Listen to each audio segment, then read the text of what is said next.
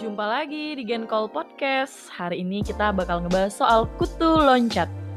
Kutu loncat, apa itu Jurika kutu loncat? Ya aku Ah, juga baru denger sih kata kutu loncat karena mungkin nggak ada di circle kita selagi kuliah kali ya. Iya. Setelah Iya, kita iya, mengenal orang-orang yang di dunia profesional tuh tiba-tiba ada istilah yang namanya kutu loncat. Sebenarnya kutu loncat ini apa sih Kak Kiki? Kutu loncat itu jadinya Ega, Jurika, biasanya orang-orang yang sudah bekerja dan dalam satu tahun tuh bisa sampai dua sampai tiga kali pindah perusahaan. Luar biasa. Jadi itu nggak boleh. Sebaiknya sih enggak. Hmm, Kirain bisa gitu untuk nambah pengalaman. berarti itu Sebagai batu kutu loncat ini loncatan. sebenarnya rezekinya besar Iya. ya kan karena dia keterima, Iya. keterima, keterima gitu ya. Keluar keterima lagi, Iya, keterima benar. lagi benar. Jadi pokoknya dalam satu tahun kalau dia sampai dua sampai tiga kali berarti itu berapa bulan cuman? Eh, 12 bagi Iya. 34. Empat. cuman empat Empat bulan bulan resign, empat bulan resign. Memang di satu sisi mungkin dia ngerasa dapat banyak pengalaman, tapi padahal ya sebenarnya dalam tiga empat bulan itu belum dapat apa-apa. Memang di satu sisi kayaknya seolah-olah mereka tuh udah punya banyak pengalaman gitu ya dari perusahaan A pindah ke B pindah ke C. Padahal sebenarnya dalam empat bulan itu tuh belum dapat apa-apa banget gitu. Jadi masih masa dia menyesuaikan diri dulu, baru tahu budayanya dulu, sistemnya dulu gitu. Jadi belum benar-benar apa get into ke pekerjaannya itu loh gitu. Jadi sebenarnya yang bisa dibilang kita itu udah tahu dengan pekerjaan kita udah menguasai bidang kita itu settle-nya di berapa tahun sih kak? Ya sebenarnya sih eh, ini aku lupa ya waktu itu aku pernah baca. Jadi sebenarnya orang itu dikatakan sudah mulai bisa benar-benar eh, memahami pekerjaannya itu minimal dua tahun deh gitu. Jadi setahun pertama tuh dia belajar dulu, memahami budaya perusahaan dulu, terus eh, eh, jenis pekerjaannya seperti apa. Nah baru di tahun kedua dia baru mulai bisa mengeksplor apa kemampuan dia yang bisa dia terapkan di perusahaan, yang bisa dia kasih ke perusahaan. Jadi setahun pertama tuh sebenarnya masa dia ngikutin dulu aja sistemnya, terus eh, budayanya gitu. Nah, nanti di tahun kedua itu baru mereka mulai bisa kayak apa ya, memberikan apa sih namanya? Apa yang ada pada diri mereka ke perusahaan eh, gitu ya? Potensi Potensinya. mereka itu baru Baru bisa muncul. baru bisa mereka sumbangkan Oh, gitu iya. lah gitu. Baru mereka bisa terapkan di perusahaan itu atau di departemennya gitu. Nah, masalahnya Ju, kebanyakan dari kaum milenial itu ini berdasarkan ini nih, aku kemarin eh, baca ada penelitian dari kumparan.com itu 42% generasi milenial itu memiliki kecenderungan kutu loncat. Gede ya?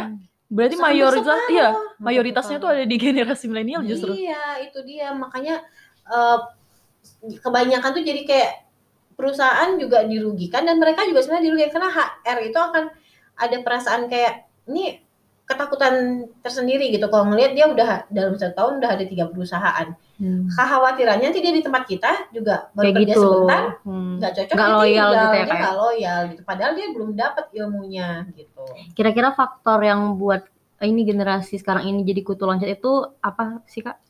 Eh, banyak hal eh, terutama misalnya jenjang karirnya terbatas Hmm. Jadi misalnya begitu masuk terus eh, mungkin dia ngebaca nih ya, ngebaca situasi terus ngeliat jenjang karirnya kok kayaknya pendek banget di sini gitu dan kemamp- kemampuan yang dia miliki mungkin lebih dari itu. Hmm. Nah, itu itu yang membuat dia cuman bertahan misalnya berapa bulan terus ngeliat wah kok kayak nggak ada eh, kemajuan dia di situ. Nah, terus kemudian dia bisa jadi juga kalau dia tipenya orang yang pembelajar, seneng berkembang, dia nggak dapat kesempatan untuk mengikuti pelatihan-pelatihan Hmm. gitu. Nah, itu juga bisa jadi masalah yang membuat eh, banyak milenial sekarang yang kutu loncat. Terus bisa jadi juga kayak sistem pengelolaan SDM-nya buruk atau budaya perusahaannya buruk Hmm, ya. gitu. Jadi nggak ngasih kesempatan, nggak kasih ruang gerak gitu buat si orang ini untuk berkembang juga sama kayak yang tadi sih gitu. Atau misalnya kayak sistem remunerasinya, dia dipakai habis-habisan Hmm. eh, apa energinya, pikirannya, tapi ternyata salary-nya cuman berapa, Hmm. misalnya itu juga sering jadi masalah. Nggak sepadan gitu ya kayak. Heeh, jadi nggak sepadan gitu. Padahal misalnya di awal sudah eh, kontrak, Dijanjikan. Heeh, sekian gitu. Nah kenyataannya ternyata nggak Dengan gaji sesuai. sekian dia harus melakukan uh, lebih dari yang di Mm-mm, janji di awal iya gitu. gitu. Dan mungkin karena ini kali ya, budaya generasi milenial sekarang ini tuh lebih senang coba-coba kali. Kayak ini coba, Coba dulu ah. ah, coba dulu ah gitu. Dan pada akhirnya pas dijalanin tuh ngerasa eh ini kayaknya bukan passion aku deh berhenti, stop Berhenti. sampai di situ Hmm. gitu ya, itu tadi oh tuh yang terakhir dulu Hmm. yang terakhir yang terakhirnya itu konflik horizontal maupun vertikal jadi ada terjadi konflik dengan atasan ataupun dengan sesama rekan kerja sesama rekan kerja gitu Hmm. nah kalau yang kayak tadi Jurika bilang misalnya mereka mau coba di sini dulu coba di sini gitu nah masalahnya coba-cobanya itu berapa lama dulu gitu Hmm. Eh, kalau misalnya coba-cobanya terlalu cepat dia belum dapat apa-apa itu tadi balik lagi belum dapat Hmm. apa-apa Jadi untuk tidak menjadi kutu loncat ini minimal kita harus stay di perusahaan ini berapa lama kak? ya sebaiknya sih minimal dua tahun Dua tahun. Oh iya tadi udah ditanya juga ya. Mm-mm, Dua tahun. gitu Udah pas aja dulu.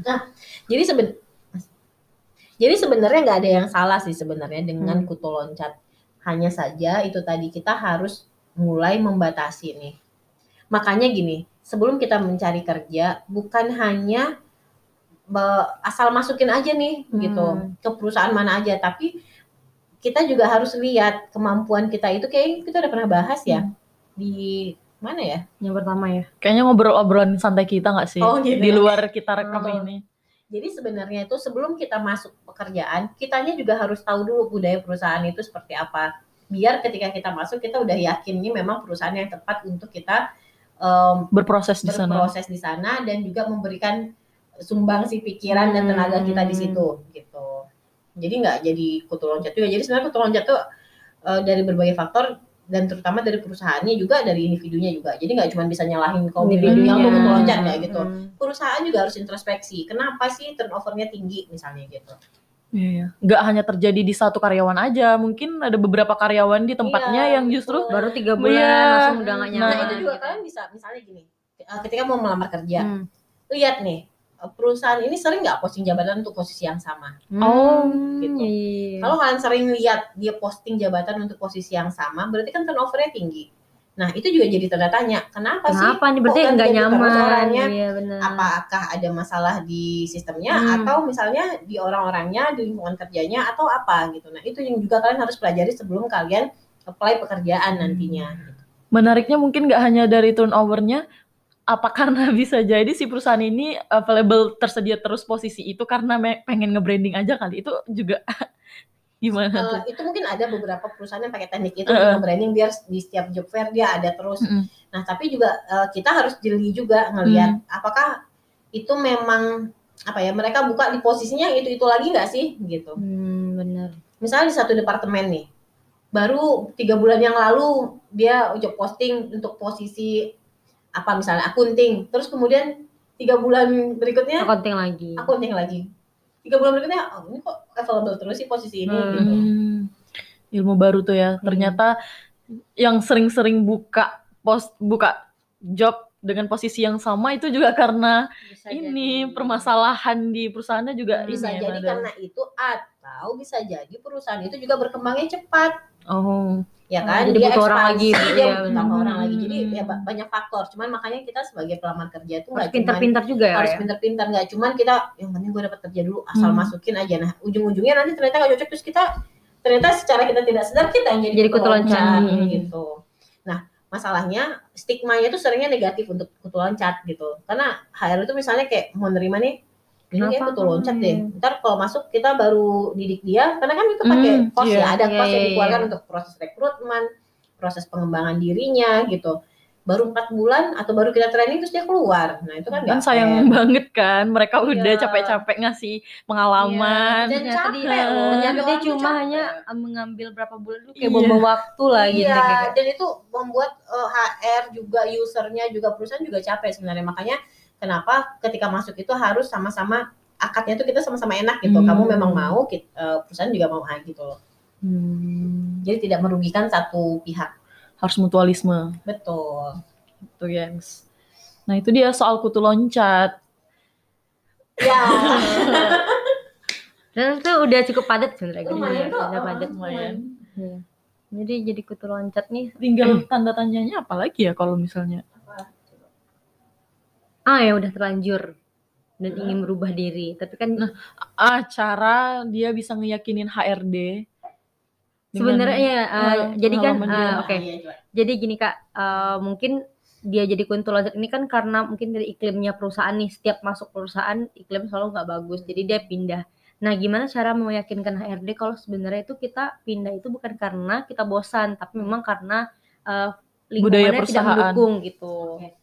Jadi ah, ya itu, itu kan kita bisa melihat juga track recordnya. Ah, Sudah ada berapa perusahaan yang dia bilang lingkungannya tidak sesuai, yang tidak Hmm. sesuai dengan dia. Itu juga harus jadi pertimbangan si HR-nya nantinya kan. Tapi kalau udah terlanjur, memang kebetulan banget, misalnya masuk perusahaan satu, tiba-tiba perusahaannya yang collapse. Hmm, Masuk perusahaan kedua, tiba-tiba memang kita kita nggak eh, salary-nya nggak sesuai. Terus misalnya kerjaan kita betul-betul dikuras Over. banget, over banget gitu. Terus yang ketiga, misalnya apa lagi? Eh, tem- mungkin gak ada teman sekantor kali Hmm, atau ya Teman gimana kantor gitu. kerja Hmm. kebetulan banget nih. Iya, kebetulan cepat gitu. Ah, ah, cepat. Ya ampun baru empat bulan terus sudah resign. Nah selain kita juga harus introspeksi diri, apakah kita yang sulit menyesuaikan diri dengan perusahaan, tapi kalau udah terlanjur dan kita mau berubah itu, yang pertama harus kita lakuin ketika kita eh, melamar lagi ke pe- perusahaan yang baru, kita harus lihat dulu betul-betul gitu. Yang kayak yang tadi kita udah bilang, analisa analisa perusahaannya. dulu perusahaannya seperti apa. Kalau ada teman yang udah kerja di dalam tuh tanya-tanya dulu gitu. Gimana sih budayanya di sana? Gimana sih masalah salarinya? Terus kita dikembangkan nggak di sana? Terus eh, orang-orangnya gimana? Pokoknya tanya dulu iklimnya di sana gimana. Hmm. Nah, kalau kita udah kayak gitu, kita udah yakinkan juga diri kita, ya udah kita baru apply dan eh, kasih tahu saya sudah misalnya ini, saya sudah beberapa kali pindah perusahaan, 2 sampai tiga kali. Dan saya rasa saya sudah cukup belajar di sana dan kali ini saya mau benar-benar mau eh, apa mengembangkan diri saya di sini karena saya yakin perusahaan ini memiliki bla bla bla bla. Nah, itu mungkin Hmm. bisa untuk meyakinkan si HRD-nya. Berarti lebih menarik ke ininya ya, keunggulan dari perusahaan yang pengen kita lamar. Kalau misalnya tadi kita menyalahkan si perusahaan tiga yang udah pernah kita coba ini, takutnya malah jadi bumerang gitu. Betul. heeh. Jadi lebih baik tuh kita nggak usah ngebahas kejahatan di perusahaan yang Hmm. lama, tapi lebih ke apa yang kita introspeksi dari diri kita sampai kita berpindah tiga kali dan itu tidak mau kita lakukan lagi dan perusahaan dialah yang kita pilih untuk tempat kita betul-betul mau eh, apa ya Mengembangkan diri lebih. lebih serius Serius, gitu, iya benar, gitu. benar, dan kita mau loyal di situ gitu. Jadi intinya loyalitas itu tadi ternyata dituntut juga loh sama Ya, perusahaan. karena kebanyakan yang kutu loncat itu memang fresh graduate Iya. Iya, karena mau coba ini, coba Iya. itu, Ah. ngerasa nggak cocok, ngerasa ini gitu ya. misalnya Ega udah kerja nih di perusahaan A terus Hmm. dengar teman "Ih, di perusahaan Hmm. ini Enak, enak, coba ah, coba enak, enak." ya. oh iya ya terus saya resign terus yaudah Hmm. nyoba deh di situ kayak kayak gitu gitu tuh sering karena mereka masih mau tahu nih gimana sih rasanya bekerja di sini dan itu sebenarnya uh, wajar-wajar aja cuman ya itu tadi harus ada waktunya kita harus mulai settle ya udah deh di satu Hmm. perusahaan ini aku mau betul-betul settle sampai kapan gitu misalnya gitu Bagaimanapun tuntutan hi- kehidupan ke depannya itu juga Iya. menuntut kita untuk bisa mendapat pekerjaan yang settle. Settle. Jadi eh, pesan juga buat teman-teman yang fresh graduate, jangan apalah cepat Berpaling. berpaling gitu lebih usahakan Nah. kita loyal dulu sampai enam iya kalau bisa setahun dua tahun dulu Hmm. kita coba biasain diri adaptasi emang susah ya Hmm. teman-teman tapi kita coba dulu kalau bisa eh, jadilah karyawan yang loyal gitu kan jadi jadi di CV kita juga kelihatan oh ini Iya. loyal gitu jadi Hmm. HR di next ke depannya lebih percaya sama kita gitu ya Oke. oke Gitu guys. Nah. Pembahasan soal kutu Iya, loncat pas ini banget menarik. buat kita kan Ju Iya. kita kan mau baru-baru jadi fresh graduate dan kami juga oh jadi gini harus dua tahun dulu Hmm. jadi supaya kita image bagus gitu kan Jangan kita mata. berpikiran dua tahun tuh udah cukup lama gitu ya. Padahal dua tahun tuh emang baru startnya kamu di Iya. perusahaan itu. baru baru mulai sebenarnya Iya. kan itu tadi setahun pertama dia belajar dulu tentang Hmm. perusahaannya, tahun kedua mungkin dia baru Hmm. betul-betul bisa ada Iya, apa ya, benar. ada impact Hmm. gitu. Keberadaan dia tuh ada impact, impact, perusahaan iya, benar. itu gitu. jujur pesan Oke. jangan jadi Buat kutu kalian loncat. juga jangan jadi kutu loncat. Iya. Kutu buku aja. jadi ketemu aja dan jangan jadi tit loncat bajing Bajing. loncat. Aduh, Jadi- itu nggak boleh sama sekali ya. Iya. itu maling guys nggak boleh ya, jadi maling Ya, Finally, sampai jumpa di next episode. Makasih ya udah dengerin podcast kami yang keberapa ini, aduh ke Iya. enam kali ya. Jadi semoga kita bisa tetap konsisten ya teman-teman Ya. dan bersama Kak Kiki dan mana tahu besok kita Akan bakal ada undang eh, pembicara lain. Dari episode kemarin kayaknya kita mau ngundang, tapi tenang aja, kita berjanji akan undang setelah Sabar. episode kutu loncat ini. Stay tune aja dan jangan lupa follow Instagram Gencall di Gencall Podcast dan Oke. juga dengerin akun dari Spotify kita ya guys. @see you.